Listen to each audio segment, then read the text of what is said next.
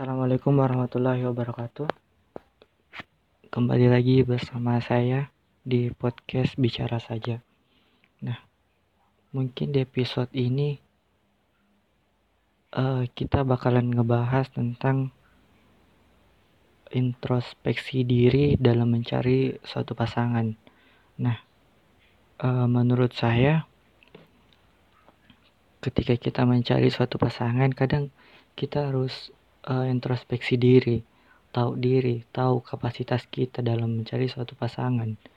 Nah, tahu diri juga tahu posisi di mana kita berada, tahu di mana kita harus berbuat, kapan kita harus bertindak, juga tahu kapan kita harus diam. Kadang-kadang orang yang tak tahu apa yang terjadi tiba-tiba, ia melakukan sesuatu pada suatu kondisi tertentu yang padahal situasinya tak membutuhkan apa yang ia lakukan.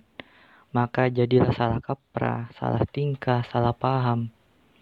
Nah, pernah ndak sih kalian suka atau mengidamkan seorang perempuan atau laki-laki uh, hanya dengan dikenalkan lewat teman atau cari tahu sendiri. Tapi ketika melihat Instagramnya, melihat instastorynya, kita langsung insecure. Kita langsung tidak percaya diri. Nah, dengan melihat semua itu sudah terbesit dalam benak kita. Ya sudah jelas, tipenya bukan kita. Nah, jujur saya juga pernah mengalami hal ini.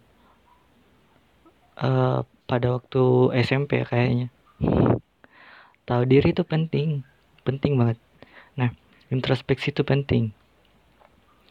Kalian pernah berpikir enggak kalau misalkan orang yang kita idamkan, orang yang kita suka juga punya kriterianya sendiri, punya karakter yang dia suka sendiri.